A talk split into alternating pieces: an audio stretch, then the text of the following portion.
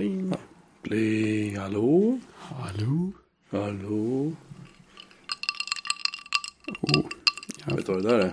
jag tippar att det är någon slags GT. Vad ska man göra? Vad ska man göra? Vad ska man göra? Vad ska man göra? Vad ska man göra? Hör du Fredrik? Vilket är ditt favoritsmörgåspålägg? Den är ju svår alltså. Det finns ju till exempel sådana specialare som dyker upp sällsynt men är väldigt stora favoriter när de väl har sin stund. Som till exempel Arboga skivbar leverpastej. Fy fan. Ja, fortsätt, fortsätt. Just det, det här säger jag bara rent objektivt. Jag uttrycker inte min egen åsikt. Eh, Men alltså, så- okej, så du säger att Arboga leverpastej är alltså inte din favorit? Det bara liksom, det anses vara en favorit? nej, alltså den, den är ju en favorit till exempel när det börjar dra sig mot jul och man kan göra sådana här jul, eh, kanske till och med vörtbröd. Men ett lite mörkare mjukt bröd och så arbogapastej och sen kanske någon slags saltgurka eller inlagd gurka ovanpå. Det kan vara, det är en stor favorit i de lägena. Men det är inget jag skulle äta på sommaren sådär kanske. Mhm. Ja, jag menar det är samma sak med, med en riktigt bra skinkmacka. Det är ju oslagbart. Men det är ju inte direkt året runt man ska käka den. Vilken typ av skinka? Alltså menar julskinka då? Ja, precis. Mm, okej. Ja. Sen så skinka är så himla, himla brett kan jag tycka. Alltså, ja, smörgås påläggsskinka, den får ju vara...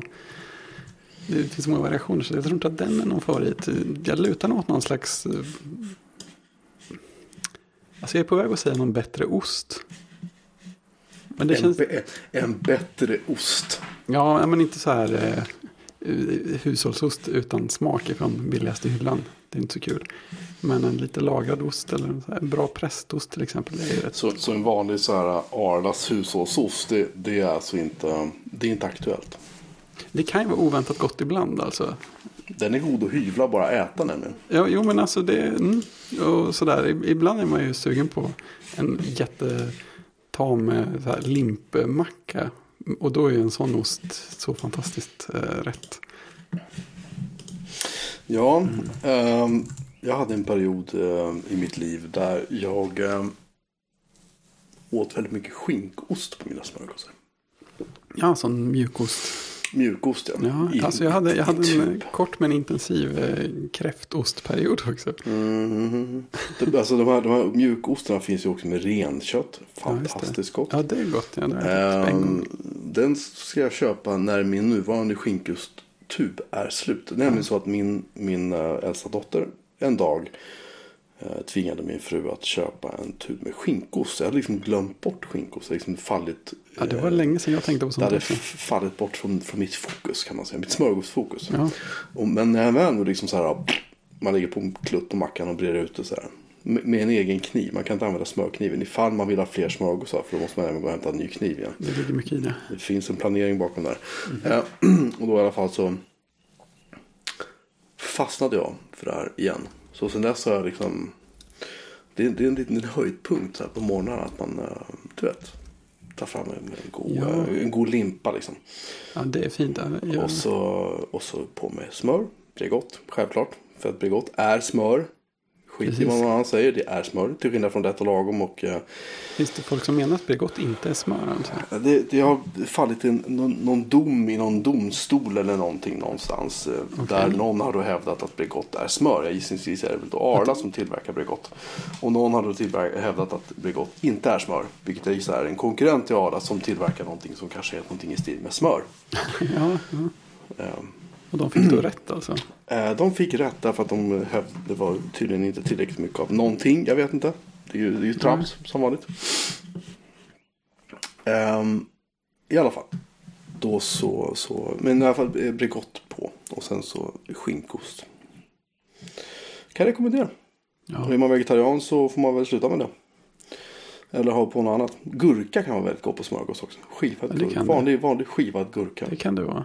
Det var också väldigt länge sedan. Väldigt gott. Jag är väldigt eh, dålig på att äta riktiga smörgåsar överhuvudtaget.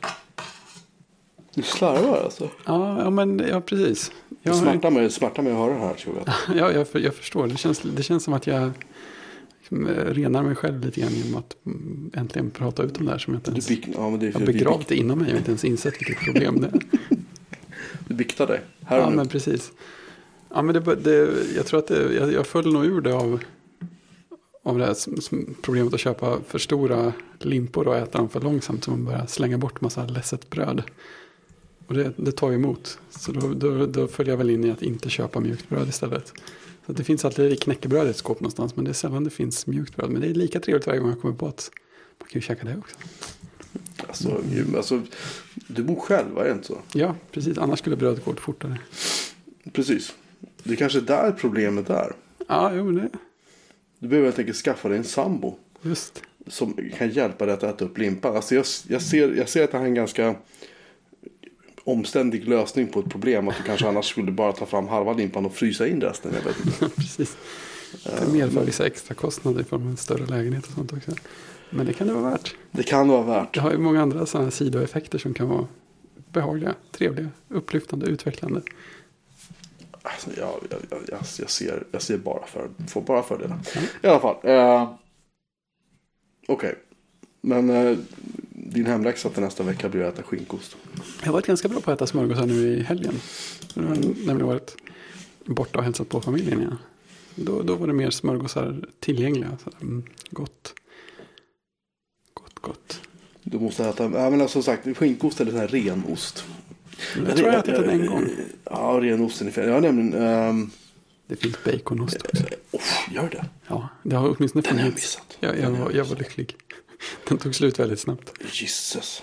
Um, för grejen är att, eh, så här, jag, för jag fick en annan revival. Det var en morgon när jag svängde in till Preem som är den macken jag tankar hos. Och så tänkte jag nu ska jag köpa mig en smörgås. Glider upp till kylskåpet där, och så ser jag att de har så här renklämmor du vet. Med så här tunn, mjukt tunnbröd och så Ja, just det. renkött i liksom. Åh gud vad gott. Ja, det var länge sedan. det, nu har jag liksom, jag har, så här, ja, jag har en smörgås, eh, smörgås-revival som heter duga kan man säga. Ja, jag skulle vilja att det fanns fler eh, trevliga smörgåsställen. Som man kunde köpa med sig en, en, en god smörgås från. Finns, vad heter, finns det någon som heter Sandys? Ja, men det det känns som att det kanske är sånt som bara finns i Stockholm än så länge. Ja, de har ju funnits jätte, jätte, jätte länge. Sen finns det ju... Um, ska vi se. Alltså Subway är ju, finns ju överallt. Men, Ja, men, jag, ja, men nej, ja. nej, alltså, nej li, lite så. Jag, kan- jag, jag kan tycka att det är rätt gott ibland. Men jag tycker aldrig att det känns värt pengarna riktigt. Nej, De därför skulle vara riktigt billiga. Då skulle, de kännas som, då skulle jag nog kunna gå förbi och köpa en Subway-macka mycket oftare. Alltså jag är rätt säker på att Subway... Eller Sand, Sandy heter de. Just nu ska vi se vår meny. Eh, just det.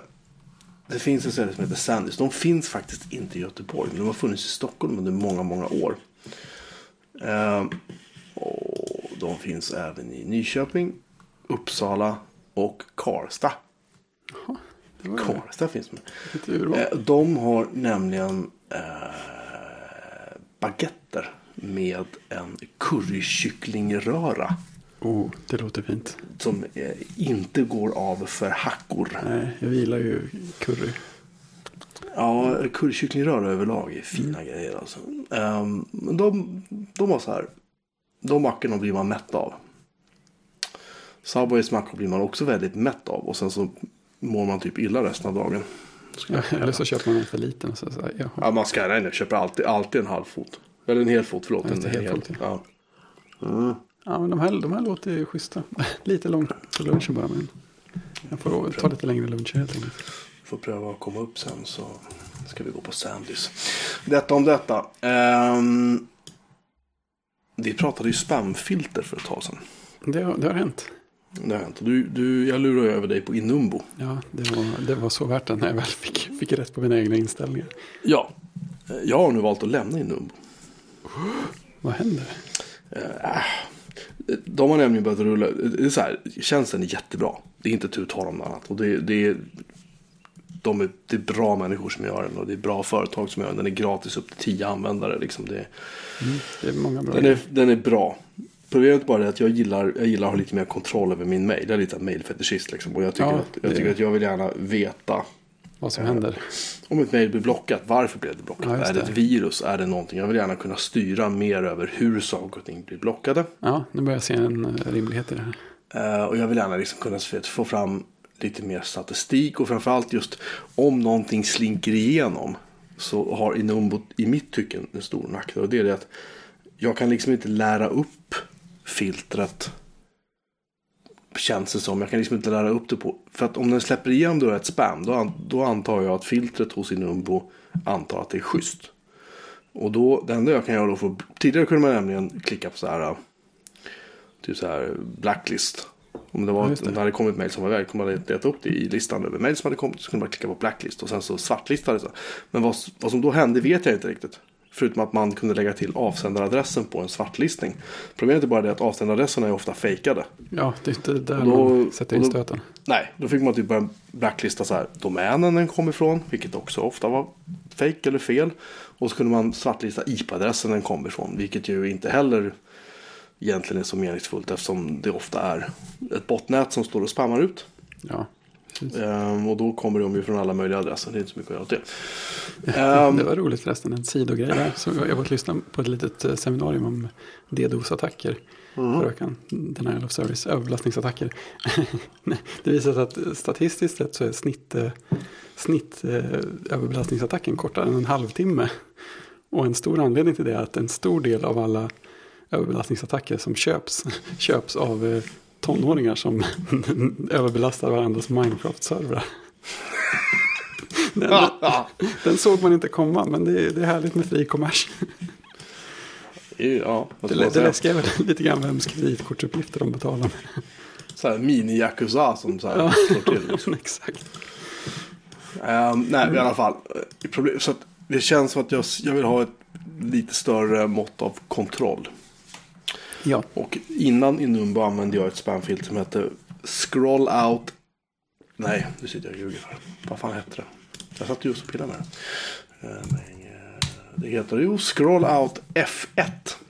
aldrig hört talas om. Får jag Nej, det hade inte jag heller innan jag körde förra gången.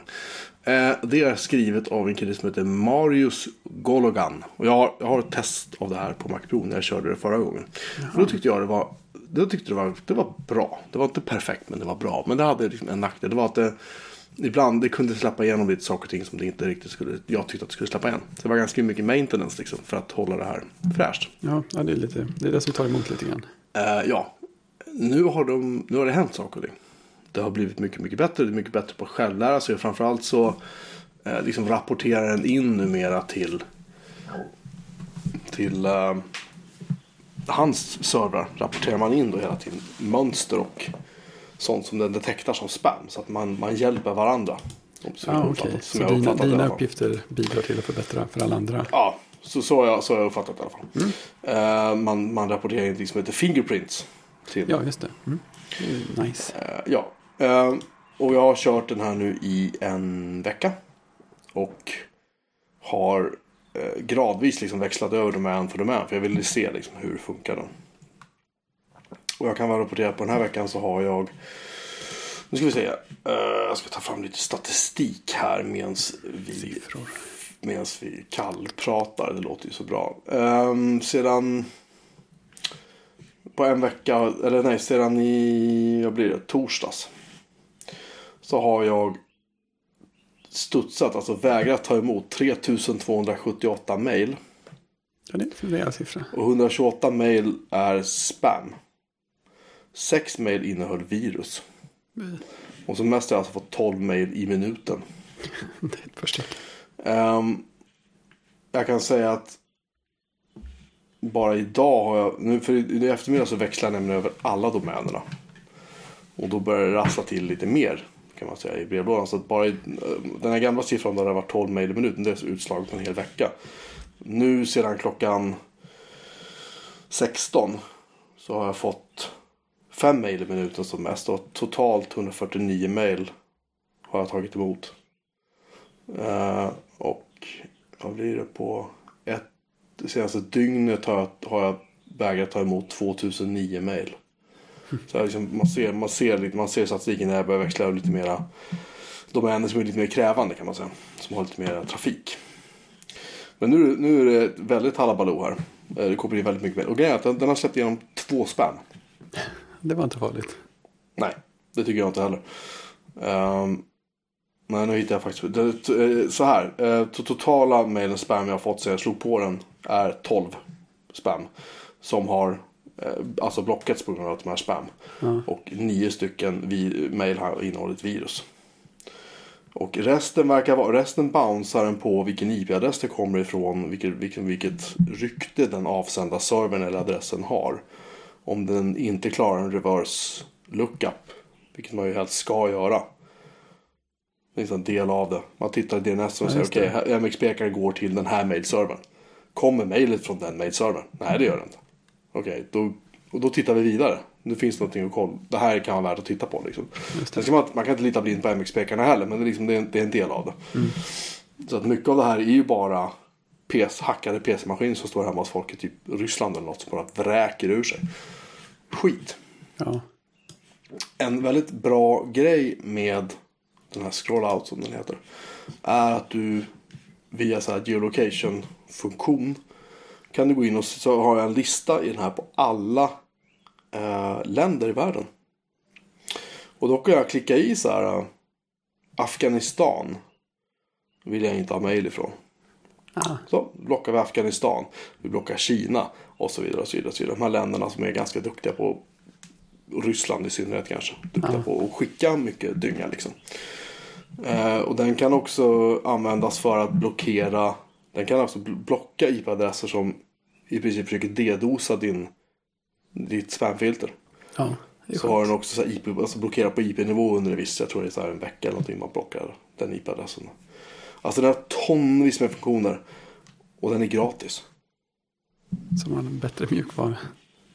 Ehm, ja, men alltså att jag har kört den förut. Jag, nu har jag liksom växlat över den till den igen. Mest, jag, jag, jag ville kolla liksom. Det är så här, jag kan växla tillbaka till den men det är ingen jättegrej liksom. Ehm, men jag, här, jag måste säga att jag är imponerad. Ja, Sen är det, i början är det så här, visst man får man får en massa mail i, det, vill också, det ska jag tillägga en skön grej om man faktiskt kör Apples eh, Mac-mail då. Apple Mail. Ehm, det är att den eh, taggar mailen på ett sånt sätt, den skriver liksom inte spam i ärenderaden som vissa andra typ gateways gör. Utan den taggar mailen på något sätt i headern tror jag. Så att Apple Mail fattar att det är spam. Så att den Ja. listar den i spamkorgen fast den står liksom inte så här spam i ärenderaden. Ja, utan den, den gör det mycket snyggare. Och de där sen då kan man ju välja att lägga i, eh, man, man sätter upp ett så här konto som man kallar för collector.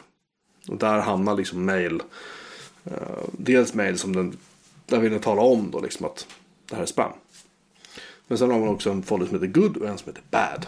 Och i bad lägger man de mailen, antingen mail som har slunkit igenom. Eller mail som man på annat sätt vill lära upp den då att just det. Och det var den biten man hade velat göra tydligare med Enumbo. Ja, för då analyserar den ju alltså hela innehållet i mejlet. Ja, Och lär sig av liksom. Den tar ju verkligen ord för ord. Bokstav för bokstav. Ja, den, ja, men, ja, precis.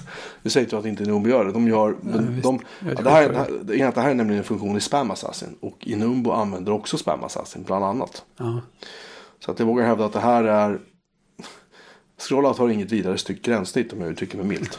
Det, där, där ligger ju Inumbo lite bättre till. ja det kan man lugnt De är säga. skitduktiga på gränssnitt liksom.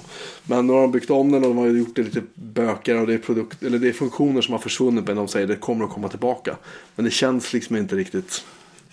Jag vet inte, jag orkar liksom inte riktigt med sånt bök. Nej. Sådär. Och sen så sagt jag vill ha lite mera kontroll helt enkelt. Ja, precis. Så, så fick det bli. Ja, jag är inne och kollar på mina siffror här sen. Sen jag skaffade Inumbo i, det verkar varit i början av december sen jag fick igång det på riktigt. Mm. Så har eh, 79 procent av all min, av all e-post som har kommit in har eh, avslagits som spam. Det var ändå lite, min, lite lägre procent än jag trodde.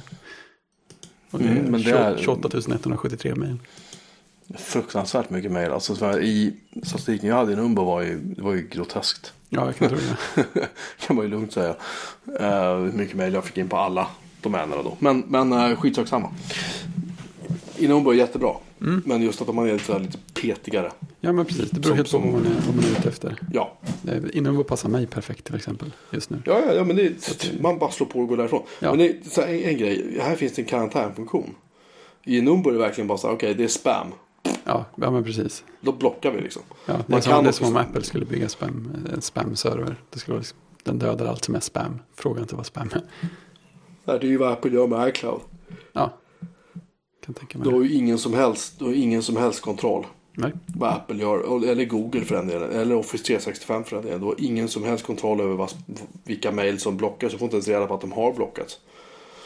Eh, det gör inte hos Numbo heller. Du kan ställa in på Numbo att den ska släppa igenom det som den tycker är spam och bara tagga det som spam. Men defaulten är att den inte gör det.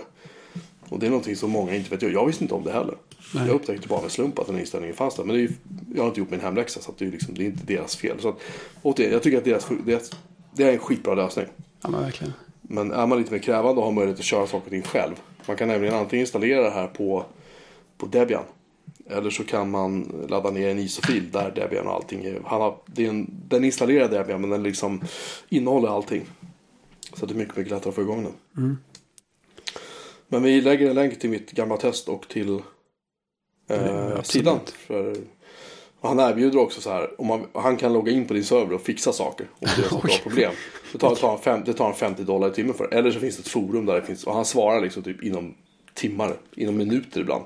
50 dollar i timmen låter alltså lite för billigt. För han gör det säkert jättebra och jättesnabbt.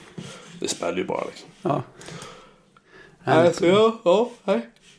nej, coolt. Det rekommenderas varmt. Precis. Ehm, sen har vi faktiskt en läsarfråga och feedback Ja, från Micke Persson har hört av sig. alltid lika trevligt. Han skriver så här. Jag hörde hemautomation nämnas i förbefarten i förra avsnittet. Det här var typ två avsnitt sedan. Uh, gärna mer av den varan. Ja absolut, det kommer. Jag ska bara ha tid och ha råd och ha lust. Precis. Sponsorer, hör av. Ja, ja. Jag har ju lite, jag vet inte om vi nämnde det, men jag har ju ett litet visst mått av så här hemautomations i, i det här um, Giga, vad heter de, Gigaset va? Eh, Ja, de som gör eh, tele trådlösa telefoner och sånt. Ja, de har också gjort en sån här uh, så man kan sätta upp sensorer på dörrar och fönster och uh, kameror som klarar mörker och rörelsedetektorer och hej och. Ja. Ett sånt kit har jag. Jag testade det tidigare. Tyckte det var trevligt. Så det skaffade jag. Ehm, och den funkar bra förutom att batterierna tar slut var sjätte månad. Och det är ju, det är ju ett par hundra spänn i batteri varje gång man måste byta dem. Där. Men Oj, batterier. om de räcker rätt länge. Men alltså de, sitter ju, de, de pratar via däcknätet. På samma sätt som en vanlig trådlös Ja, telefon. det. Bara för att det är ganska låg, eh, kräver inte så mycket energi. Nej. Men ändå så att Eh. hålla på att byta batterier en, en gång var sjätte månad. Det är ändå ganska ofta för en sån här grej som man vill sätta upp i ett hörn och egentligen glömma bort. Ja, vissa, alltså så så här, kameran går på el. Den går inte på batterier. Ja, okej. Ehm, vilket är bra. Men de andra grejerna är liksom så. äh, Det är ingen jättegrej liksom. Men det är så här man. Det är ganska nice man vet att liksom, ungarna ska ta sig hem från skolan. Med två äldsta barn. Och så kan jag se det. Får jag en push-notifiering typ där vid två eller tre när de kommer hem. Att ja, nu har de kommit hem. Ja, men det är Så jättefint. kan jag gå in i appen på telefonen, slå på kameran så kan jag säga tjena. Ja. Kan jag se, se att de vänner som kommer hem. Det projicerar ditt ansikte på en jättestor duk. Ät lunch. Nej men, hem. ja precis. Gör, gör läxorna. Ehm, den det finns två nackdelar dock. Det är att den klarar ju så här ehm, att spela in vid rörelser. Men det är en tjänst du måste betala för. Och det finns också att man kan surfa in på kameran. Har jag upptäckt. Och där finns ett login. Och det vill de inte ge till mig. Okej, Annars hade jag kunnat koppla den till min kameraserver som vi pratade om tidigare. vad då vill inte ge? Eh, nej, de säger att det är bara, det är bara så här för, för felsökning och underhåll. Okej, det känns ju bra. Så, Så de får surfa in där, men inte du. Ja, nej, de är, jag tror inte att de använder den funktion. Jag tror att Jag den, den, prat, den pratar nog via HTTPS med den här basstationen som sköter all kommunikation med alla enheterna. Det är så jag tror det fungerar. Men det är lite spännande i alla fall. Um, men jag vill säga att det kommer inte så mycket längre. Jag vill gärna liksom ha en idé jag har att sätta upp koldioxidmätare i lite här var i huset som sen styr ventilationen. Det är ju Kanske fräckt. som, som varvar upp eller varvar ner. För vi har en liksom central fläkt som suger ut luft ur huset. Då kan man styra det. Kanske. Eller på Ja. dagar när man inte är hemma. Då kan den, om den inte känner av att någon rör sig i huset. nej, Då kan den stänga av fläkten i princip. Den behöver inte vara på. Nej, Och sen drar den på den typ. Ja. Så att den drar på den vid tre. Sån där som är allt mer avstannande näst pysslade med. Ja, jag vet, inte, jag vet inte riktigt vad näst pysslar med nu för tiden så. De har ju Nej. sin term termostat. De har väl någon eh, brandvarnare va? Ja, just det. Och någon, någon kamera som de har lagt ner eller någonting sånt där. Ja, de köpte väl in den kameran? Ja, Dropcam tror jag den hette va? Just det. Men vet, nu, nu, sista månaden har det kommit eh, rapporter om hur eländigt allt funkar på insidan av nästa. Sånt. Så Ja, jag såg någonting man om det. Att det han, vägen. Tony Fidel har fått lite skit för det. Ja, det kan man väl lugnt säga. Det, ja, det var inte smickrande för någon egentligen tror jag. Nej. Ehm, nej, i alla fall. Ehm, men vi, vi, vi ber att få återkomma i ämnet. Det är lite... Ja. ehm, Det är... det finns, det finns väldigt mycket system för det här. Det- det- Om man vill vara riktigt old school då kör man X10. Och så finns det lite andra grejer. Man kan, eh, man kan gå in på ställe som heter m.nu. Där finns det liksom tonvis med grejer till alla olika typer av system. Och några system är kompatibla med varandra och det finns standarder. De kan prata med olika bussar. Ja, det, och grejer som Tråd. triggar mellan. Det är trådlöst och de går över elnät. Det, är liksom, det tar aldrig slut. Och det är liksom, man måste bestämma sig från början. Ska man bygga en controller med Raspberry Pi? Ska man köpa färdigkontroller? Och så vidare. Och så Ja. vidare. Och så vidare.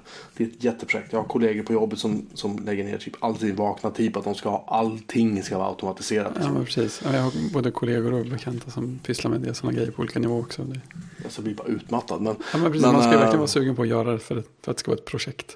Det är inte så här, men jag vill ju bara köpa, säg bara vilken rätt, rätt sak att köpa för Ja, mig. precis. Så, så köper jag det. Så, nej, nej. Det var Nej, inte nej, riktigt nej. där än.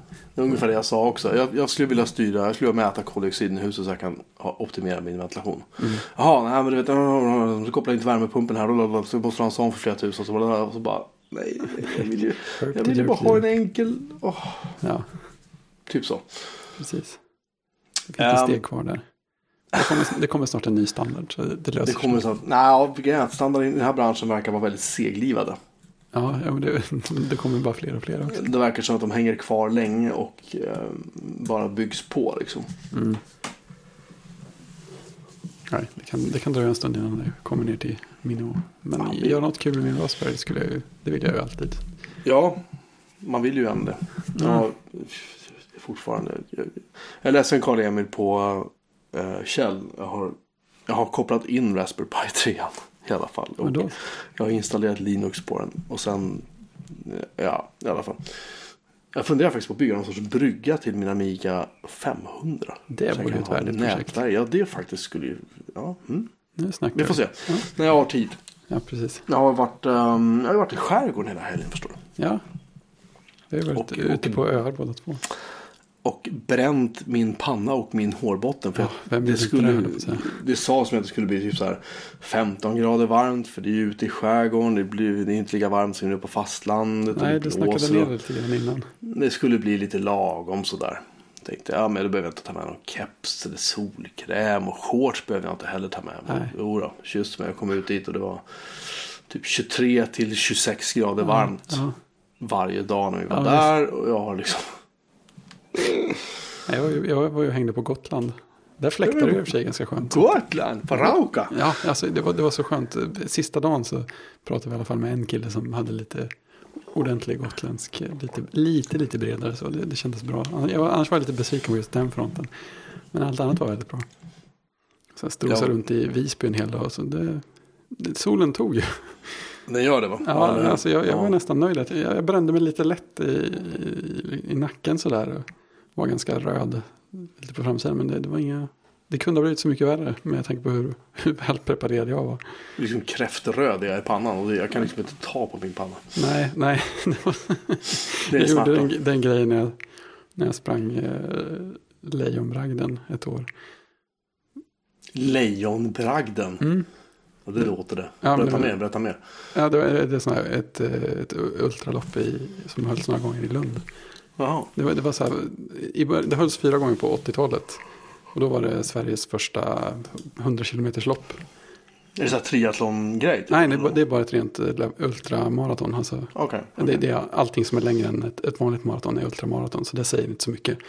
Men grejen då var att det var ett, det första 100 km loppet i Sverige. Och sen så hade jag några bekanta som tyckte att de skulle ta upp det där igen. Och då, blev, då lyckades de naturligtvis tjata, sig, tjata så att jag var tvungen att testa. Och då, då fanns det, man behövde inte springa 10 mil på en gång utan man kunde springa 5 mil också.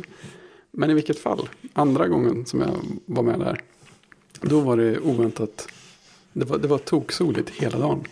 Det var i början av maj någonstans, så det var inte, och det var inte den här början av maj, så det var inte superhett. Men, men, men solen tog ju och sen hade jag dessutom råkat ställa hårtrimmern fel när jag klippte mig på genomloppet.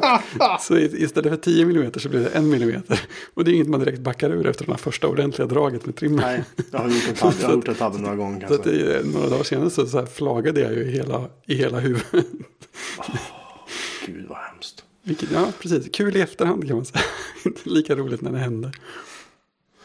Ja, jag känner din smärta. Nej men i alla fall. Eh, så vi har, vi har bränt sönder oss båda två helt enkelt. Det, det är bra, då, har vi någon, då delar vi en, en En känsla.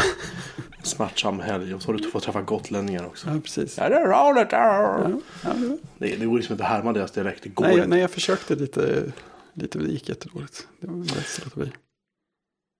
Micke Persson har också en fråga. Han skriver så här. Han har köpt en relativt ny, han har en relativt ny Linksys-router. Routern har god prestanda och inte fått någon form av hicka en enda gång. Som när som på ett litet mystiskt problem. När jag har min Nexus 5X uppkopplat mot routern så är det sjukt svårt att få nät på min Lenovo-laptop. Min äldre Nexus 5 och min sambos Netbook. Jag har lite andra prylar, typ en Chromecast och en väderstation som inte bråkar. Stänger jag av wifi på Nexus 5X så får jag nät med en gång på de andra prylarna. Eh, varför? Och hur sjutton ska man försöka hitta lösningen? Skriver han. Ja, det där, det låter kul. Ja, alltså. Mikael. Det är en Android-telefon. Så. Nej, skämt, skämt, åsido. Um, sa den dryge Apple-nörden. Jag, jag, jag, jag har Ehm, för mig att jag kan ha haft det här problemet ibland utan att hitta vad jag skulle hänga upp det på. Utan att hitta en speciell pryl att sk- skylla på. Alltså jag kan inte. Det måste ju vara någonting i Nexus-enheten som gör någonting väldigt, väldigt, väldigt tokigt med, Ja, med basstationen. Vilket ni ju inte ska göra om det är någon så här, så här UPnP takeover eller någonting på, på, på, man dedosar routern på ett allt. Bara, Jag ska ha allt, jag ska ha allt. Precis. Ge mig, ge mig. Det, det kanske är så att, att eh, Google via din Android-telefon Mikael tar över din router och, och eh, delar ut den till världen på något vis. Jag vet inte. Ja, f- för 5X är en av de här ganska nya va? Eh, Nexusarna. fråga inte mig, jag har ingen aning. Jag kan ingenting om det här. Om, om, Nej, men jag tror att om, det var en som, som kom ganska, det kom väl en X och P samtidigt. Hur som helst, det jag tänkte säga var att eh, Google släppte ju sin egen router någonstans ganska nyss också.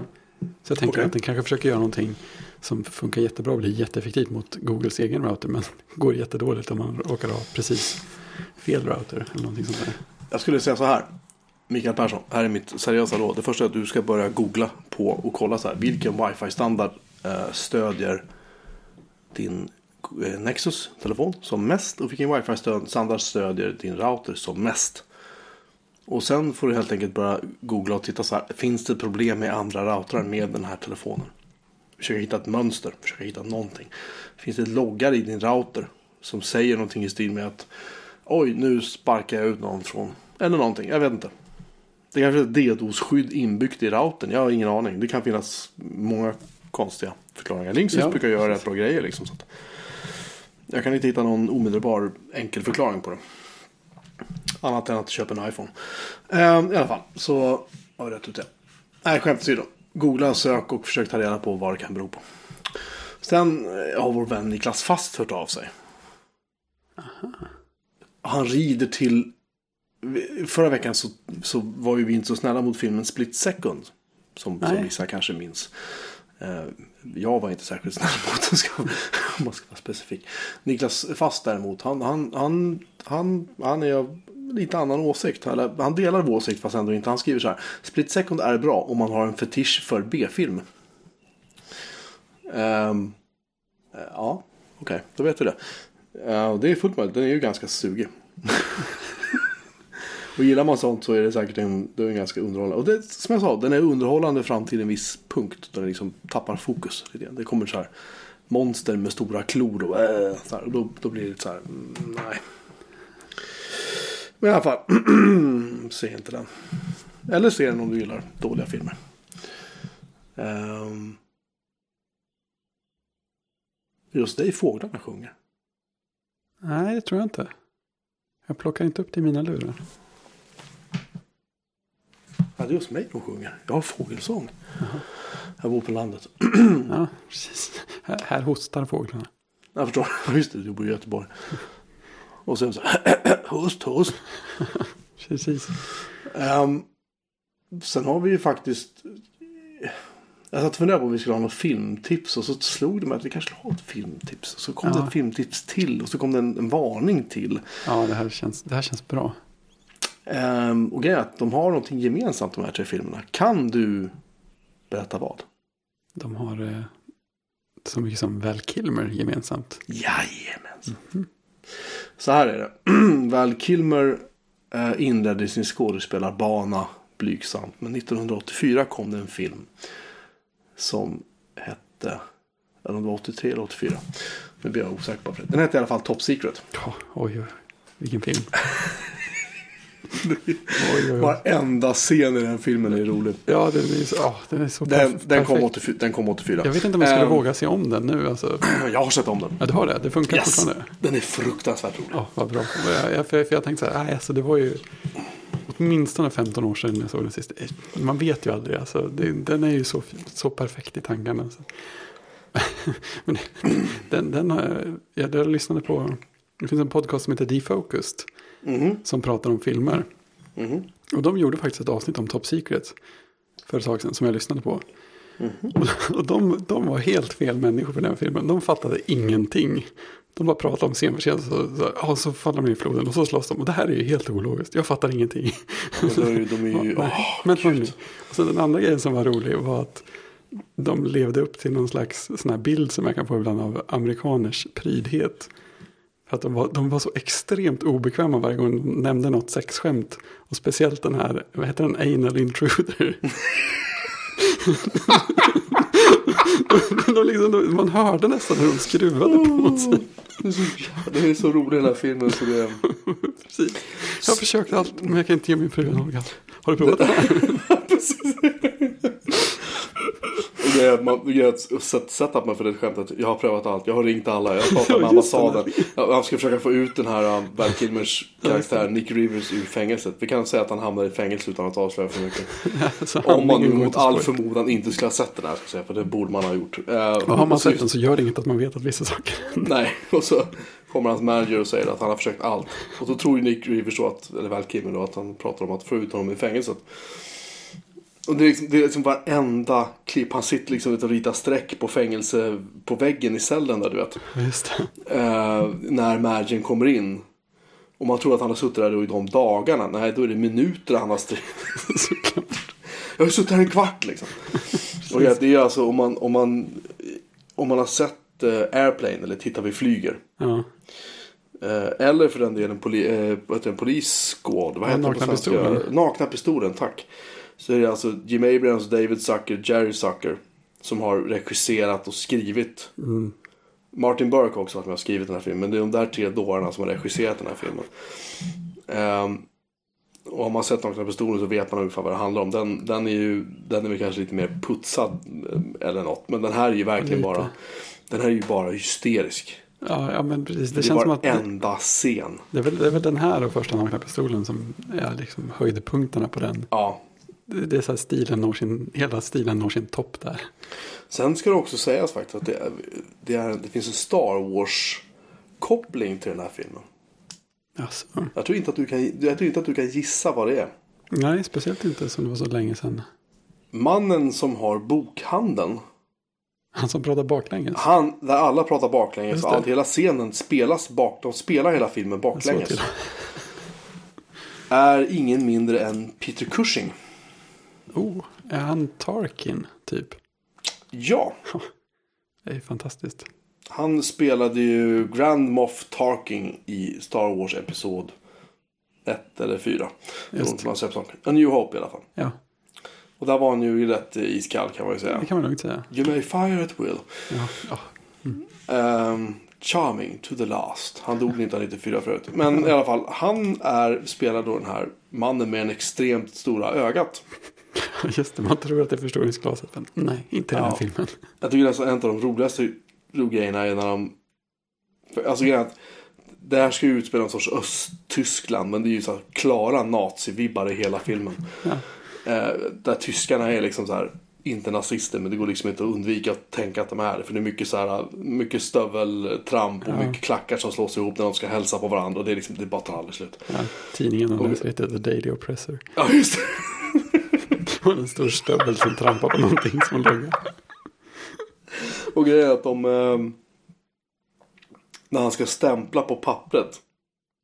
Stämpeln är liksom så bred och står det så här, Find them and kill them. det är så otroligt roligt.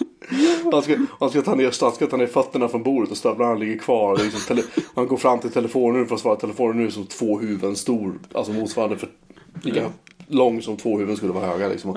Alltså, och just, alltså gräver han sig i flykttunnel ut från fängelset också. Det är så, Så här, tittar de ner i.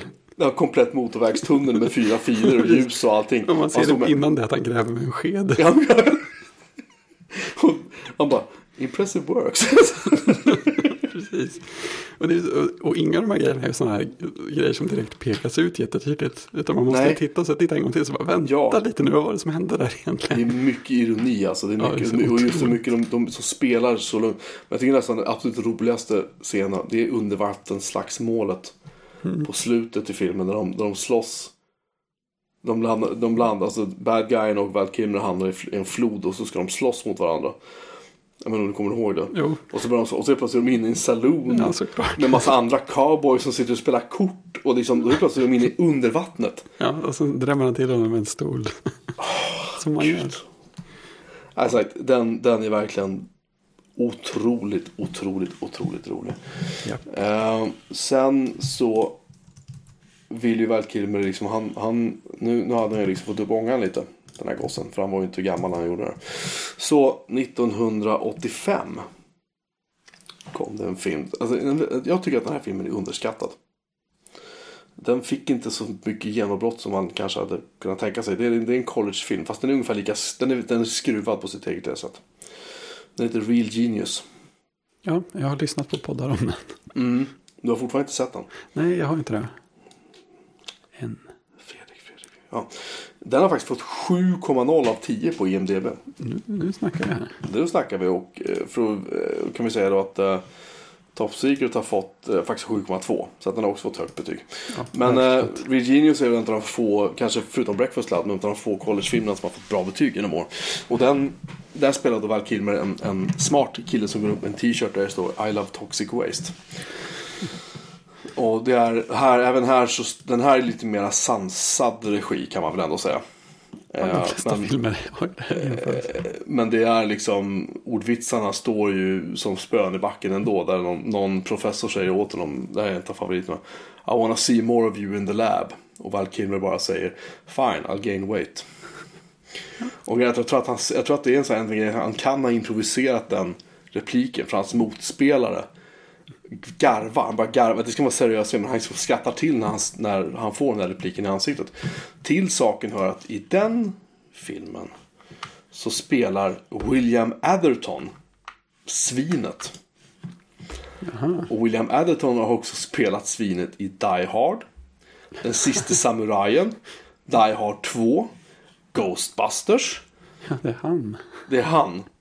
Det måste känna sig hyfsat uh, typecast. Han som spelar Walter Peck i Ghostbusters.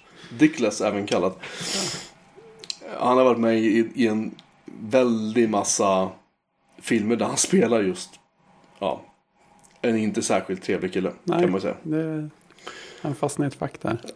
Jag tror inte att det gjorde honom så värst mycket. Han jag hoppas han trivdes med Jag har förstått att han har haft skitkul när han spelar ja, med det. rollerna. lär- Även Det fast- lär han ju ha haft. Även fast folk typ har skällt ut honom på gatan ibland för hans roller och sådär. Ja. Men i alla fall. Um, Genius handlar då om en liten grabb som heter Mitch Taylor. Mitch Taylor är ett sånt där underbarn och då ska han lockas iväg till en skola då för särskilt begåvade barn. Ehm, och den ska då vara någon sorts kopia på MIT eller något liknande då.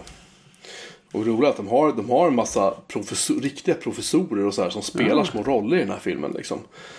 Eh, Och de, de är inte så bra på det.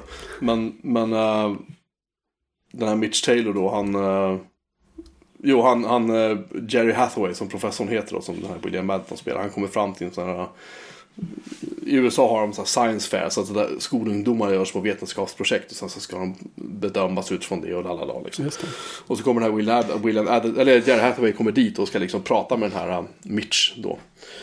Och så ska han förklara då att uh, ja, men vi, vi tar in honom på, jag tror det var Pacific Tech eller någonting de har döpt skolan till. Och föräldrarna frågade, han måste ju vara den yngste som vi någonsin har tagit in. Nej, vi tog in en kille som var typ 13 så här, men han bröt ihop efter sex månader. Eh, och så, och sen så, och sen så eh, frågar den här professorn, den här grabben då så här. eh, Så här kommer, har du några vänner? Kommer du sakna dina vänner? Så här, och grabben svarar nej, nej, alltså jag, jag har inga vänner. Så de flesta barn är ganska rädda för mig. Och bara professorn bara svarar good boy, good boy, säger han. Fortsätt så. Det, är så här, det, det, är så sublima grejer hela tiden i den här filmen. Ja, den, den är jätterolig. Den är jättebra. Kul, kul bra regi. Liksom det, det är ett parti mitt i filmen där de, de är som, ett- som musikmontage. Liksom, där det är musik, en hel, hel låt som går. Där de fortsätter spela framför kameran olika scener och säger saker till varandra. Men du får inte höra vad de säger. Ja, Sånt är jättesuspekt. Det är jätteskumt det, men, men, det, men det, det är så här, det här är en 80-talsfilm. Med 80-talsmusik. Allting är väldigt 80-tal och den är, ja, se den bara. Den är skitrolig. Den, ja, jag ska inte berätta mer. Nej. Den är, jätte, den är jätte, jätte, jätterolig i alla fall. Ja. Och sen har du faktiskt fått med en, eh, en varning i den här Ja. Kilmer-trilogin också. Ja, Val Kilmer har ju, har ju, han har ju varit med i fantastiska filmer som Heat exempelvis. Och varningen är, kan komma som en mindre förvåning då. Varningen är alltså inte när han spelade Batman. För det var han ändå, där var, där var han ändå hyfsad. Det var kanske inte han som var problemet. Nej, jag tycker inte Nicole- Kidman var problemet heller i den här filmen. Det, Nej. Det, det, det var en okej rulle. Liksom. Så. Var- Alltså, Jag tror det var trean va? ja, ja det var, jag tappade intresset ganska hårt någonstans där. Jag tycker tvåan var rätt... Uh, den var inget bra heller. Nej, det var inte samma. I alla fall. ehm, den jag tänker varna för är en film som heter The Saint. Den har jag faktiskt undvikit för att jag har förstått att den inte ska vara Eller. Helgonet. Alltså, grejen är att den, den har små...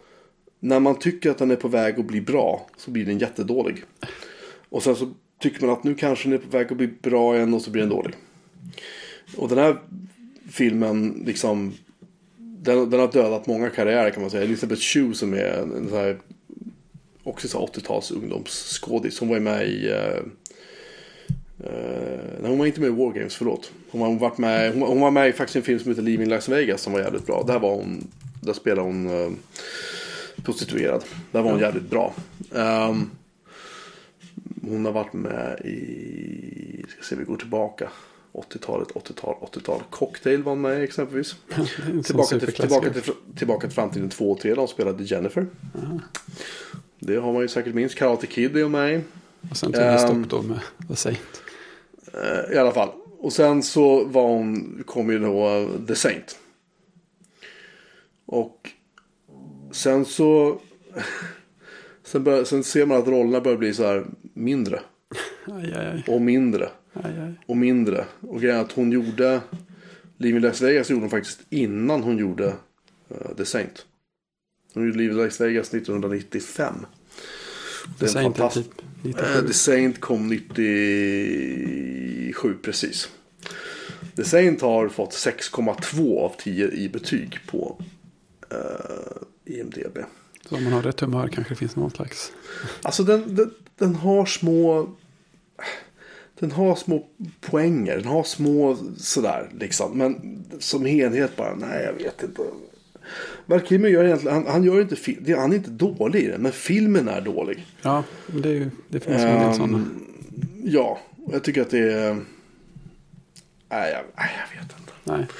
Den, kan- den, är, den är så otroligt splittrad den här. Det, han, det, här det här är typ Mission Impossible innan Mission Impossible-filmen kom. Liksom. Alltså Ja. den, är, den vill vara lite Mission Impossible. Den var lite... ehm, Lite James Bond. Ehm, inte så mycket Bourne däremot, för det är inte så mycket, jättemycket våld. Nej. direkt. Nej, Alltså jag, jag har ju ingen koll på helgonet sen innan heller. Men jag hörde väl folk säga att de tyckte att den var inte alls helgonets eh, liksom, anda över det. Nej. Grejen är att Val, jo, Val Kilmer spelade ju in Batman Forever. Mm. Och han vägrade spela i uppföljaren till Batman-filmerna för att han ville spela huvudrollen i den här filmen. Oh, vilket nedköp. Aj, aj. Ehm, nej, Nej, men den, den rekommenderar jag inte. nej, jag kan rekommendera något visuellt med koppling till den istället. För att det den här filmen har gett världen som, som är ganska trevligt är temalåten The Saint av Ja, en grupp som heter Orbital. jaha. Mm, den, är, den är schysst, riktigt schysst. Och den har dessutom en rätt eh, schysst eh, video som, man, som jag säkert kan hitta på YouTube och länka in här. Så den, den kan man med fördel se istället för filmen, för den är riktigt bra. Och jag tycker låten är riktigt bra också. Eh, den vill jag gärna lyssna på. Mm, schysst, jag, har, jag tror jag har på en gammal CD-singel. Om jag inte har gjort mig av med själva. Oj! Ja, så, så, så gammal är jag. Men uh, ja, Val Kilmer, Bättre Ja. än filmen. han är bättre än filmen, tack. Det var det jag satt och fiskade efter så att säga. Sen har Val Kilmer gjort en, en stark, som vi nämnde hit tidigare. Han har gjort, eh, faktiskt gjort en röst i filmen eh, Planes. Oh, Nej, sk- skämt åsido. Han har, eh, han spelade med i, vad fan hette den? Han spelade Doc Holiday i en film som heter Tombstone från 1993. Det är Där var han- lite där var han- Den var bra. Och sen spelade han faktiskt, och det här, det här är en film som jag tycker är obegripligt att den har blivit så sågad. Och det är filmen The Doors. Från 1991 där han spelade Jim Morrison. Och han gjorde en förbaskat bra roll. Det var Oliver Stone som regisserade. Den har fått i och för sig 7,2 så att den har inte fått jättesuget betyg. Men det är många som har dissat den. Liksom. Ja, det Meg, Ry- Meg, Ryan. Meg Ryan är med. Det, det förstör ju lite kan man säga. Men, eh, men det, det är ett gäng skitbra skådisar och liksom ehm, lite kul eh, trivia. Om inte jag missminner mig. eh, så är det tydligen så att när de filmade eh, när de gjorde vad heter det konserter och så. När de filmade nära. Då var det alltså Val Kilmer själv som sjöng. Eh, och de sa, de, tydligen de, andra- de medlemmarna som är kvar då från The Doors sa att Val Kilmer gjorde så bra, han sjöng så bra. När han spelade Jim Morrison och sjöng som Jim Morrison. Att de kunde tydligen inte skilja hans röst från den riktiga Jim Morrison. Så när de filmade på nära håll var det han, så när de filmade på långt håll så var det Morrisons röst man hörde då i högtalarna. coolt. Eh, Rätt skådis på jobbet. han är skitbra där. Faktiskt. Men sen har ju då Ray Manzarek som var en av grundarna. Han, sagt, han har ju sagt då att eh, han tycker den här filmen är ju inte ett bra sätt att beskriva hur bandet blev till och sådär. Eh, men jag tycker den är bra. Ja. Faktiskt. Eh, så att, eh, ja. Här läste jag just någonting som är lite intressant. Om man har sett filmen Heat. Så vet man att, ser man att Val Kilmer har en, en stor liksom, bula på sin ena armbåge. Hans högra armbåge. Men om du kommer ihåg det? Nej, det kan jag inte påstå. Nej, man ser det i vissa scener. Han sitter med typ kortärmad uppkavlad skjorta eller någonting. Så ser man att hans armbåge ser jättekonstigt ut. Okej. Och det är därför att han, han, spelade, han skulle hoppa från scenen i Doors The. Doors. Och då var det stuntmannen skulle fånga men han missade. så att, så att Kill, Kilmer då föll i backen och slog i armbågen så in i helskotta. Ehm, ja, det hade jag ingen aning om. Det var, det var, jag har alltid undrat eh, varför. Precis, är det, en, är det en tanke med det här? Ja, precis. Ja, men just varför hans armbåge såg så... Ja, Ja, precis. Har alltid gjort det? Eh, hur som helst. Den är också bra. Den, den nu är inte den med på vår lista. Men jag har sagt undvik The Saint. Yes. Ja, jag jobbar på det. Bra, bra. Ehm, sen har vi ett ämne som vi har skjutit upp några gånger. Men som jag tycker är intressant. Mhm. Vad är Node för någonting? Vad är Node? Och vad skiljer det från Node.js? Och bara, ja, Precis. Ja, Ja, här- här fick jag jag, gå förstår, jag förstår inte. Fin, fin, kan du finns du här för mig nu och förklara? Ja, ja, jag, jag tror att jag kan göra ett, en hyfsad insats här. Tack. Jag, jag, jag, jag tog och gick tillbaka till, till grunden. Det är nämligen så att, eh, okej om vi börjar med att kalla det och bara säga Node rätt upp och ner. Så skapades det 2009 av en kille som heter Ryan Dahl. Och Mm. roligt nog så presenterade han det första gången officiellt tydligen på en eh, konferens i november 2009. Och det talet gick faktiskt att hitta på nätet. Man kunde hitta konferensens officiella sida och där, där funkade inte videon längre. Men den fanns naturligtvis på YouTube. Eh, och redan där så, bl- så blandar han begreppen. Han, alltså Node och Node.js är en och samma sak. Men även han själv, redan första gången han presenterade för någon så, så blandar han och säger Node ibland och Node.js ibland. Det, det känns som att eh, jag antar att Node är lite för vanligt om, för att det ska kännas bekvämt att googla på det. Så att folk börjar skriva Node.js istället. Jag tror att det är någonstans där det började. Och jag tror att hans så här, paketet som han byggde, rent tekniskt kanske heter Node.js också. Men eh, nej, Okej. så det är ingen skillnad på det. det och vad Node egentligen är, någonstans i botten, är ju, vad ska man säga, det, det, den stora grejen som man märker är ju att det är en, alltså en motor egentligen för att köra JavaScript på servern.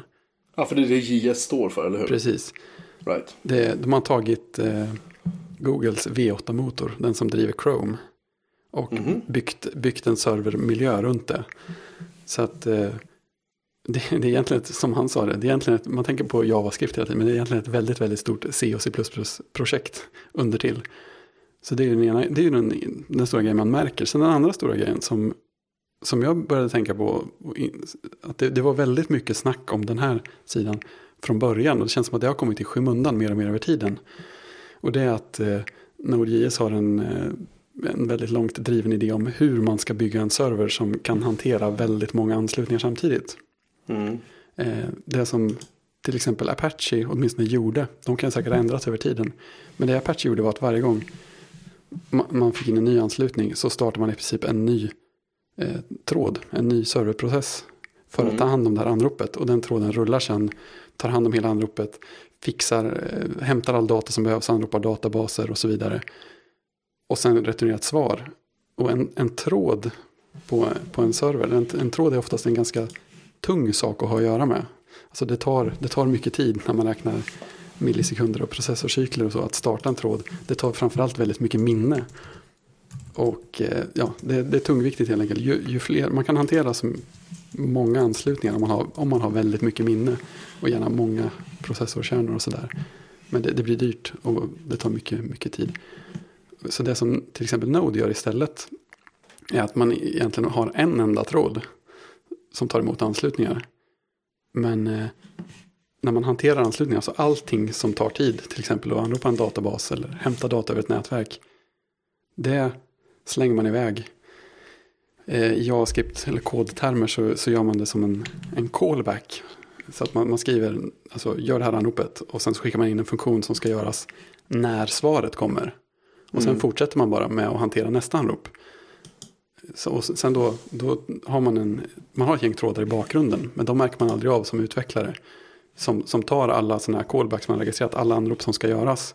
Och eh, i princip låter dem ta, sin, ta den tid de tar.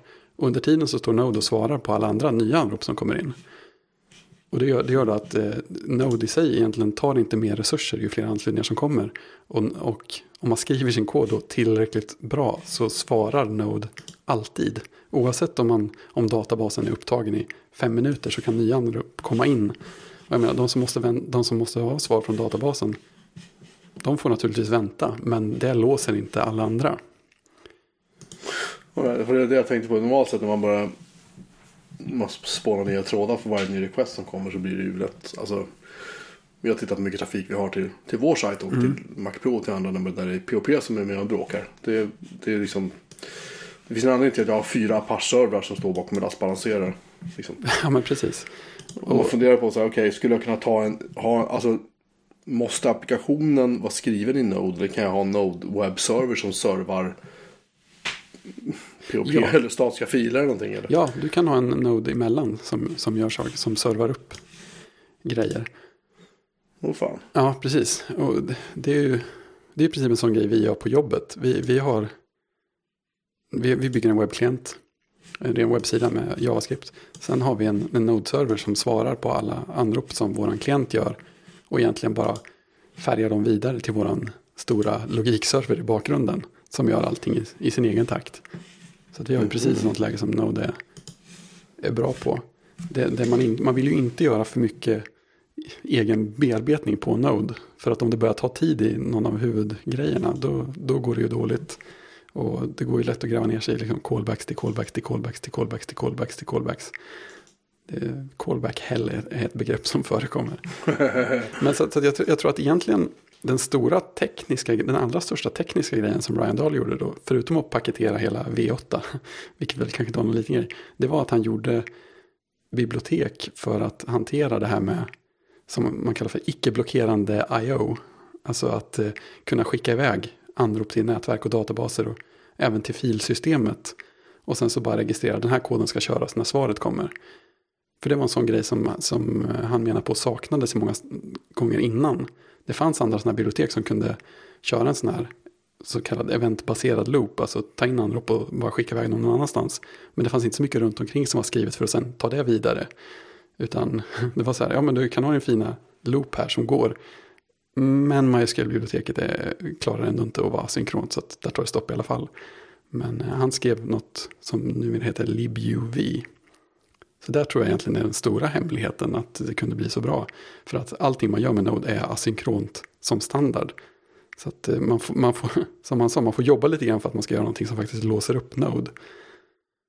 Så att eh, det var väl den, den tekniskt stora grejen han gjorde. Och sen så kände jag att, att liksom, det har ju på något sätt rullat över till att, att bli något som är väldigt, väldigt smidigt för mig som kommer från webbutvecklingshållet. För att när jag, när jag hanterar, när jag skriver, skriver JavaScript i webbläsaren och till exempel hanterar tryck på en knapp eller vad som helst så, så, så skriver man redan kod som i mångt och mycket är samma tankemönster. Så att, så att Node har inte bara att det är JavaScript på servern utan det är JavaScript med ett ganska likartat tänk som på klienten.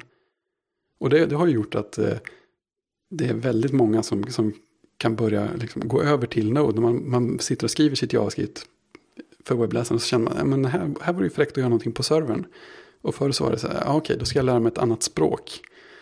Och ett annat tänk. Och ja, precis, hur, hur, hur, vad är mönstret för att utveckla saker vettigt på servern? Och med Node så är det, ja, du skriver ungefär som förut. Och dessutom är de första exemplen väldigt, väldigt korta. Det är, jag blev överraskad hur, hur lätt det var att liksom få igång en, en H- liten HTTP-server som bara svarade på mina frågor. Kan det vara så här lätt? Och då blir de dessutom asynkrona på det här sättet. Så att det är inte bara att man tar samma tänk och flyttar över till servern utan att göra så gör dessutom att det blir ganska snabba, effektiva saker. Så att eh, du, du behöver inte sen, sen när du ska produktionssätta den här grejen så behöver du inte skriva om det en gång till. För att eh, den här lösningen funkar för leksaksexempel men inte för de riktigt stora sakerna. Utan samma tänk funkar hela vägen. Och det har gjort att det är nästan ingen som pratar om, om de här eh, fantastiska asynkrona sakerna som något, någon poäng med Node nu. Utan det är mer att ja, det, det är det här vi använder när vi ska göra en, en server som, till någonting som pratar JavaScript. Det är jättesmidigt att göra det och sen råkar det funka jättebra också. Okej. Men Jag. Det, alltså det är lite frustrerande för att när jag testade att köra Jekyll som motor för Mac Pro. Mm. Du, du hjälpte mig att migrera därifrån. Ja, just det. Som du kanske minns. Den är ju skriven i Node. Om Ja, jag inte missminner mig. Um, nu använde jag ju inte den inbyggda servern för det. Jag körde ju bakom en, en Nginx eller Apache i alla fall. ja Men det gör man ju jag ofta. gener- man genererar ju med en Node-applikation. Mm. Eh, men alltså, hur ska jag uttrycka?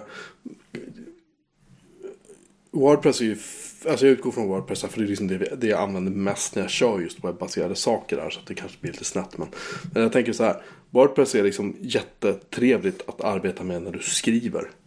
Men det är ett, ett elände, milt uttryckt, att driva servrar som driver Wordpress. Eller som Ja, driver. Wordpress. Va? När du har mycket trafik på dem. Så länge du har liksom en, två pluginer och liksom jag vet inte, säg 10 000 besök om dagen. Då, då är det ganska okej. Ja. Om det inte är allt för mycket tungt liksom, content och liksom. Ja, så fort du ska in i POPn och POPn ska göra massa saker. Den ska ner i databasen och gräva massa och generera massa vyer och hej och hå. Då är det roliga slut. Jag har, Precis. jag har kanske fem plugins som gör små saker. Det är inga stora grejer. Men det finns ju sajter som kör. Jag har en sajt som heter streammag.se. Som körs hos mig. Som är en nättidning för. Som handlar om just Netflix och sådär. Jag kanske nämnde tidigare. Men de har ju liksom. Den är väldigt tung att driva. Alltså väldigt, väldigt, väldigt. Och när de har mycket trafik, vilket de har regelbundet. eh, Så blir det väldigt tungt. Men samtidigt tänker man ju då att okej. ehm, det vore ju nice om man kunde köra den med ja, typ Jekyll. Alltså statiska filer istället. ja, visst. Precis, men då har du inte admin-gränssnittet som Wordpress erbjuder. Nej, det är ju det. Är det.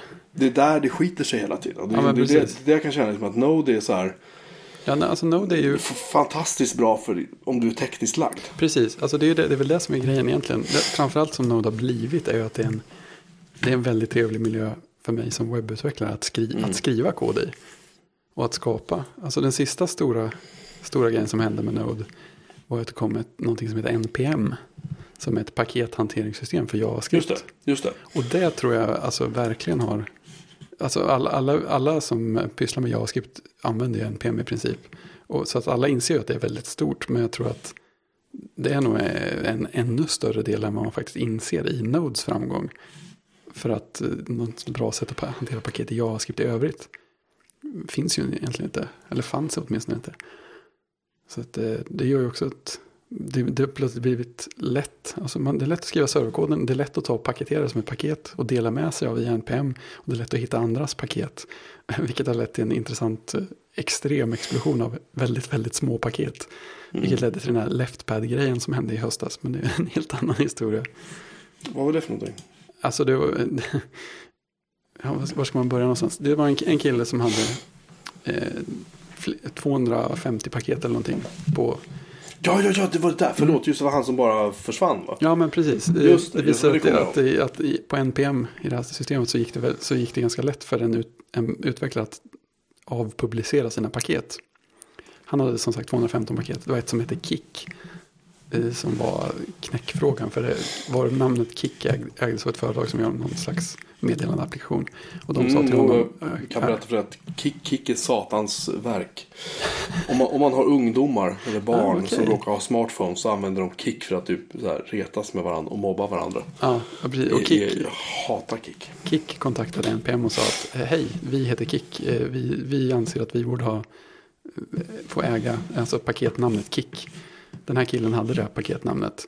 Och Node, eller NPM gick igenom, tittade i sina policies och sa att ja, enligt våra policies så kommer vi ge dem rätt. Eh, Varpå han, han blev arg och eh, tog bort paketet Kick och alla sina andra paket. Bland annat ett som heter LeftPad. Som man används, används för att eh, fylla på början på en sträng med mellanslag. Så att den blir lika lång som, som så lång man vill. Vill man ha den 16 tecken så fyller man på med mellanslag tills det blir 16 tecken. Det paketet i sin tur visade sig att det fanns massvis med andra stora paket på NPM som berodde av.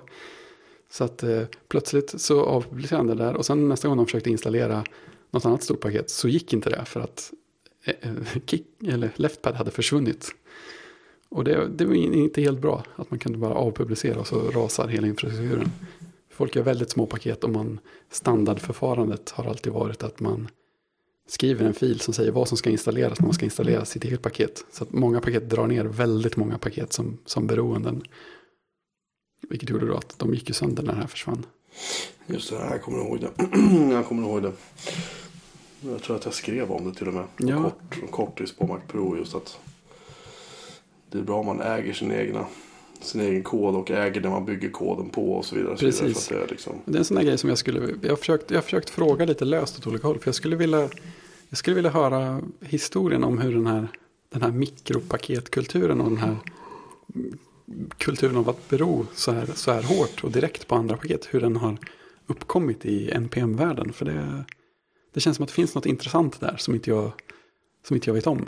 För att det har ändå funkat ganska länge dessutom. Men undrar om, inte, undrar om inte det kanske kommer från, från Linux tänket liksom. Där Jo, man bara kan slänga sätt. in, om du kör CentOS eller någonting. Du kan slänga in som repositories på repository på repository på. Och så kan du bara liksom installera, säger vi, någonting.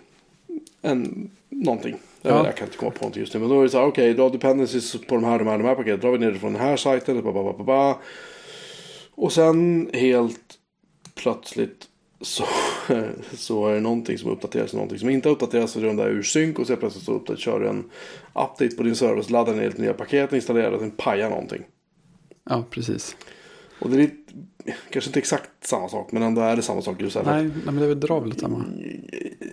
Vad jag menar, ja, precis, men vad jag menar är bara det här att som du säger, du har, du har en väldigt vildvuxen paketkultur utan att någon egentligen håller saker och ting i schack och håller koll på saker och ting.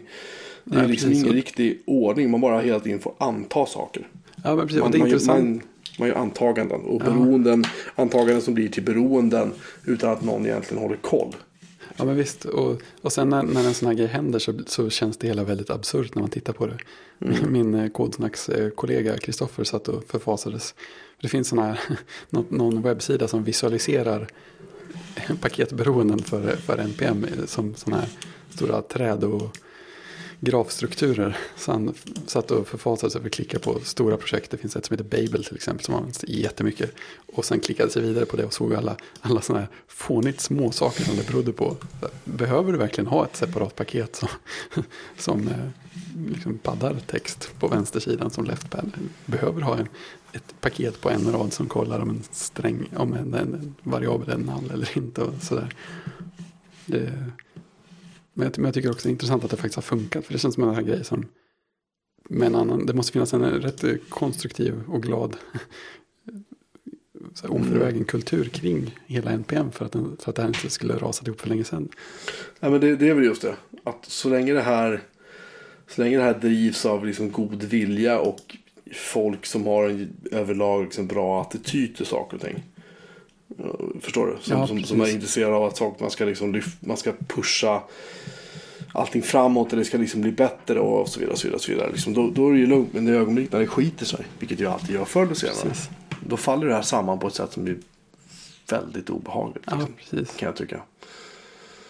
Jag, jag, jag vet inte, jag är jävligt kluven till sådana grejer. För man, man kör med, när man bygger servrar på det sätt som jag gör, då är det så här. Så fort jag ska lägga in ett repository utanför det som är det officiella för CentOS. Så brukar jag faktiskt kolla ganska noga liksom, vad det här vad det för historia. Ja, men Vad- precis. vad- vad- hur länge har det här funnits och så vidare. Och så vidare, och så vidare. Alltså man, man vill liksom inte stå där och så ska man uppdatera någonting och så smäller det liksom. Nej, och så måste man bara precis. backa tillbaka och ladda ner gamla versioner. Och... Blä. Ja, men visst. Men det är så här, i, i Node-sammanhang, eller NPM, så har det, det, har, det har funkat ett tag och folk har fortsatt köpa den linjen. Nu vet jag inte om det kanske kommer att börja sluta funka eller om alla kommer att köra på. För nu har man la, lappat det här problemet med att någon plötsligt kan avpublicera paket och så går allting sönder. Men det är fortfarande så att om man kör en, en uppdatering och drar ner det senaste versionen av paketen som en grej beror på så kan man ju få med någon helt annan kod än innan. Mm. Det finns ju inget som hindrar att eh, någon kör någon slags lång, långt hemligt övertagande av ett projekt som många beror på och sen byter ut koden till något annat. Den kan ju köra vad som helst. Den kör ju i Node precis som resten av min kod. Vad är det som säger att inte folk smyger in liksom bakdörrar och taskig kod? Ja, och men liksom, exakt. Alltså, där kan jag väl känna liksom att, för det här, jag får känslan av att det här är liksom fortfarande ganska tight halvliten community ändå jämfört med ta Linux-världen liksom där man Ja, precis. En där väldigt, smyger man liksom inte gärna in grejer hur som helst för där Nej. sitter det folk och kollar koden liksom. nej, men precis. Det, det känns som att det är en väldigt ung gemenskap på alla, alla sätt. Det är, ett, det är ett li, ganska litet gäng. Det finns ett litet gäng som har väldigt, väldigt många paket publicerade. Och de, har väl blivit, de är väl väldigt tongivande också i hur man publicerar paket. Och det är många som publicerar paket. Och det i sig är ju en stor, en stor seger. För det är inte det lättaste att göra det lätt för folk att publicera sin kod. Så det är lite samma, samma grej som GitHub har varit bra på. Fast mer specialiserat. Att man Mm. gör det lätt och trevligt att dela med sig av sin kod. Så får, du får, det får ju den här följdverkningen. Men det i sig är ju absolut inget dåligt. Det är ju en stor, en stor vinst och styrka. Ja, vad tror du, vad tror du, hur länge har det varit en grej egentligen? Liksom? Alltså Node känns som att det blommade upp sista, vadå, året? Ett och ett halvt år Alltså, kanske? Node kom ju faktiskt redan 2009. Jo men det känns som att nu har det liksom blivit en, förstår du? Ja, en, nu en- pratar, nu pratar en- alla väldigt mycket om det. Ja, precis. Det tog, tog, kanske tog ett par år innan det faktiskt började liksom bli något. Ja, men precis. Eh, NPM kom ju 2011. Mm. Det var väl någon slags start. Vi började väl använda det på jobbet typ 2013. Och då, känd, då kändes det som att det ändå började bli, alltså i utvecklarkretsar, eller webbutvecklingskretsar så kändes det som att det började bli eh, pålitligt, eller vad man ska säga, någonstans där. Det hade, nog, ja, det hade kanske pågått ett litet tag innan där. Men eh, det var inte bara, bara hype alltihopa vid det här laget. Okej, men alltså hur ser framtiden ut då? Alltså finns det en Node 2 på gång eller? Ja, alltså det, det, Är du med? Det har faktiskt varit en historia kring, kring det också. För att, För, för, för förklara min fråga bara. Jag Mm. tänker liksom om man ser på hur Swift utvecklas ganska snabbt nu. Swift, men nu, de har ju Apple i ryggen så det är kanske lite snabbare utveckling. Mm. En, vad säger man, så hockeyklubba graf på antalet Ja, det. användare och hej och hå liksom. Men där har vi fortfarande Apple styr ju. Liksom, de kollar allting. Alla förslag som kommer in, alla kod som kommer in som folk föreslår. Det ska ju ändå gå igenom Apple på något sätt. Precis. Och vad jag tänker är att här är det ju inte så. Här finns det, väl kanske, det finns väl ingen kommitté liksom. Det finns väl liksom ingen en sammanhållande kraft som... men de har faktiskt skaffat ordning Eller? på det på sistone. Ja. Eh, Grejen var att Ryan Dahl började projektet. Och sen började han jobba på ett företag som heter Joyent. Och Ja, de, hostingfirma va? ja, precis. Jag minns inte riktigt vad de pysslar med mest. Men, eh, men i Ja, alla de, fall. de måste, är hosting, eh, ja de hyr ut ja, sådana grejer. bare metal-servrar, VPSer, you name it liksom. Mm, men då blev i alla fall en, en sorts vad ska man säga, företagssponsor av Node-projektet. Och sen så sen tappade det ganska mycket fart ganska länge. Eh, sen Ryan Dahl hoppade av eller slutade som eh, så här, officiell eh, ledare för, för projektet 2012. Sen hände det inte så mycket på ett tag. Eh, Det, hände, det hände så lite så att folk började diskutera om det. Och i slutet på 2014 så, så startade man faktiskt en, en fork av Node som heter io.js. Bara för att få upp hastigheten igen på utvecklingen. För att till exempel så, så hade man, man byggde fortfarande på en väldigt gammal version av V8-motorn. Så att eh, när, när de släppte första byggena av IOJS så funkar de ju likadant som Node. Men gick mycket, mycket snabbare för att man hade en, en version av V8 som var, jag vet inte om det var månader eller till och med år nyare än den som, eh, som Node använde. Och där får man ju också fördelar som att man stödjer nyare versioner av JavaScript och sånt där. Vilket folk är väldigt heta på i JavaScript-världen. Att stödja nyare versioner av språket. Eh, men i alla fall, ja, den splittringen kom december 2014. Och sen fick man fart på dialogen kring hur Node skulle tas framåt och föras vidare. För de flesta kärnutvecklarna började väl utveckla för IO istället. Och Joint insåg att de var tvungna att göra något lite tydligare och kanske inte bara prata internt. Och sen så under 2015 så skapades den Node.js Foundation som tar hand om, om Node. Och man kom överens om att gå ihop till en kodbas igen, vilket man gjorde i typ andra halvan 2015. Och sen har man, För, det var min följdfråga nämligen, så det finns två. Men det gör alltså inte. nej, det fanns, det, fanns, en. det fanns det ett tag. Ja, okej. okej. Men nu har man faktiskt lyckats slå ihop det. Så det, det, jag vet inte om det är första gången det har hänt i historien, men det känns ju positivt. Och sen efter det så har man både snabbat upp utvecklingstakten och skaffat sig en ordentlig eh, roadmap med versioner och sådär. Så att nu kan, nu kan man gå in och se. Nu släpper man sådana här long term support-versioner Mm. med jämna mellanrum. Och man har en plan för hur länge de stöds och när nästa version kommer. Och, eh, ungefär vad, som, vad inno, innehållet är också. Och det kommer patchar med jämna mellanrum och så. så att det känns som man har fått rätt, rätt bra ordning på hur Node utvecklas vidare det senaste året. Och det, det är kul. Man kan säga att det här vilda västern-perioden liksom, den är över på något vis. Ja men för Node känns, känns det absolut Ja. så. Sen NPM har väl sina, sina egna äventyr kvar säkert. All right.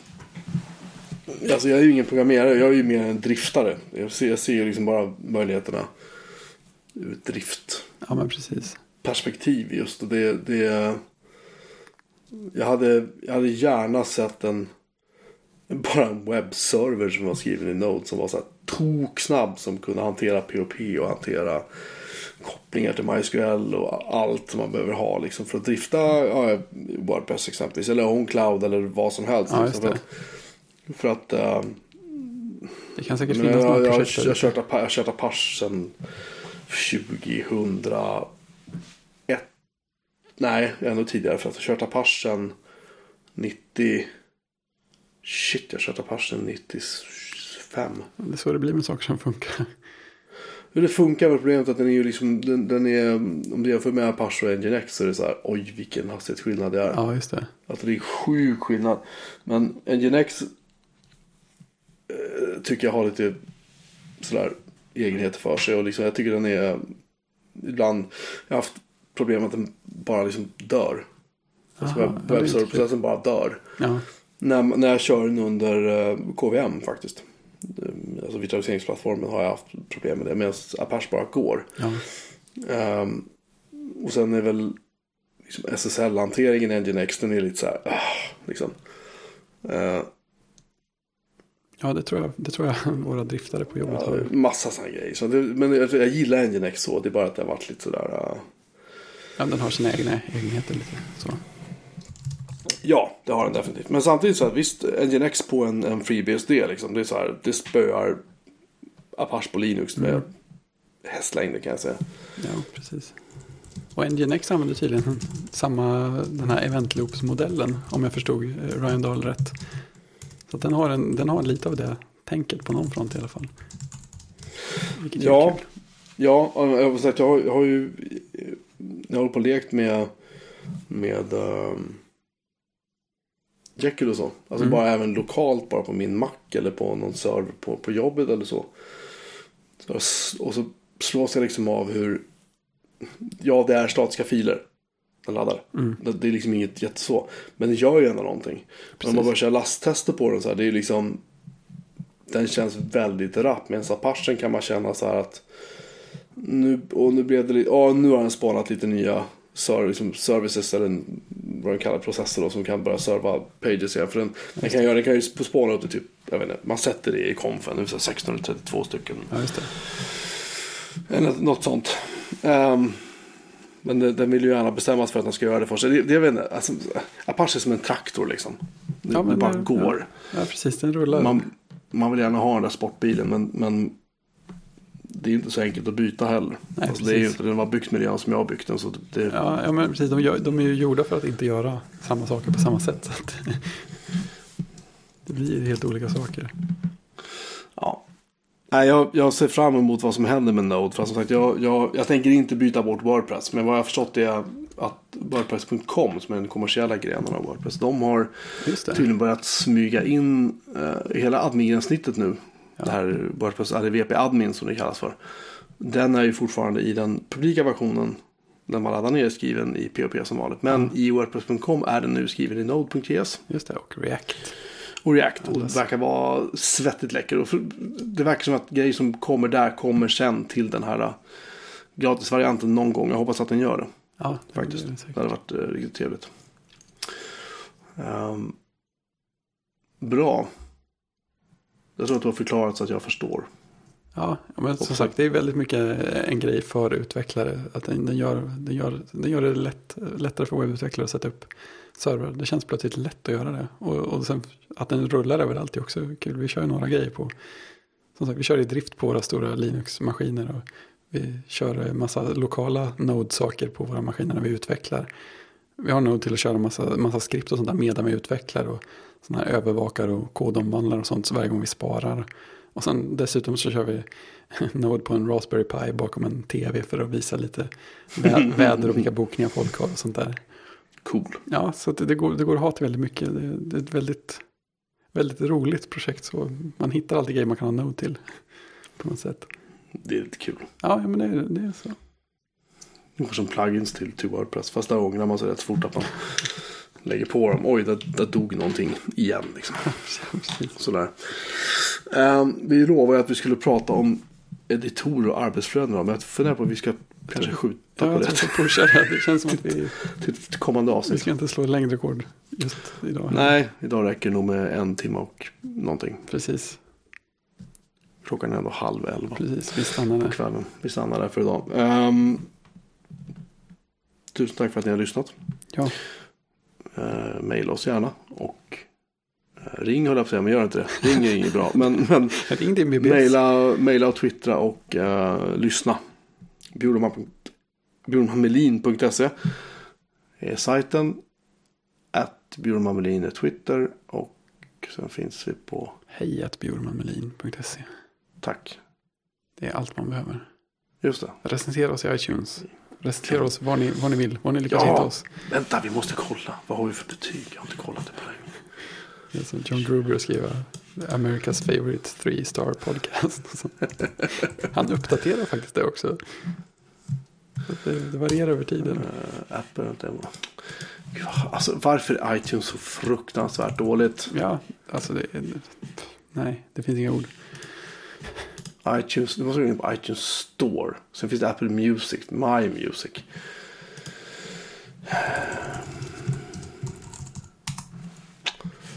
Nu ska vi se vad vi har för betyg. Vi har fem stjärnor. Vi har fått nio betyg. Det är fantastiska. Ratings and reviews. Vi har fått mycket bra, väldigt underhållande, grymt bra, väldigt trevlig. Bästa nördpodden någonsin. Säger EBM Head. Oj, oj. Härlig podd. Uh, Retrosnack är tydligen poppis där. Och sen har vi Nixon. Det tror jag är någon på Twitter som jag pratar med också. Han ger oss, han ger oss fyra av fem. Så fyra av fem är alltså det sämsta betyg vi har fått. Oj, oj. Ni, ni är otroliga. Vi tackar och bockar. Och rodnar. Ja, Det kan ha med solen göra också. Men, Alltså, alltså men ja, det var också så här, jag menar vi fick en Vi fick en tweet idag. Han var ute och lyssnade på två avsnitt på raken av. är, det, är det att rekommendera? Kom det till mig kanske? Här. Jo det var Niklas Fast, ja just det. Han var ute på en tre timmars promenad och lyssnade på avsnitt 26 och 27 av Björman Melin i lurarna. Oj, oj. Jag tror Niklas vår, han är vårt största fan. Kanske finns en fanbase i Alingsås där Niklas bor som är liksom. Ja, coolt. Det är, det är nära. Det är vårt fäste. Ja, precis. Börja komma på meetups Niklas så kanske vi kan du komma förbi och säga hej. Vi får, vi får, eh, vi får, vi får ha en meetup i... Precis.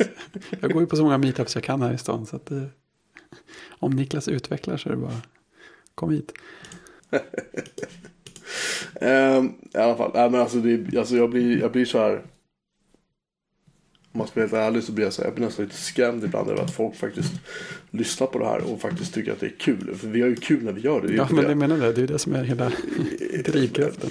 Ja, men att någon liksom faktiskt på fullt allvar då lyssnar på oss och tycker att det här är givande och underhållande. Ja, jag tycker det är jättekul. Ja, verkligen. Lyx.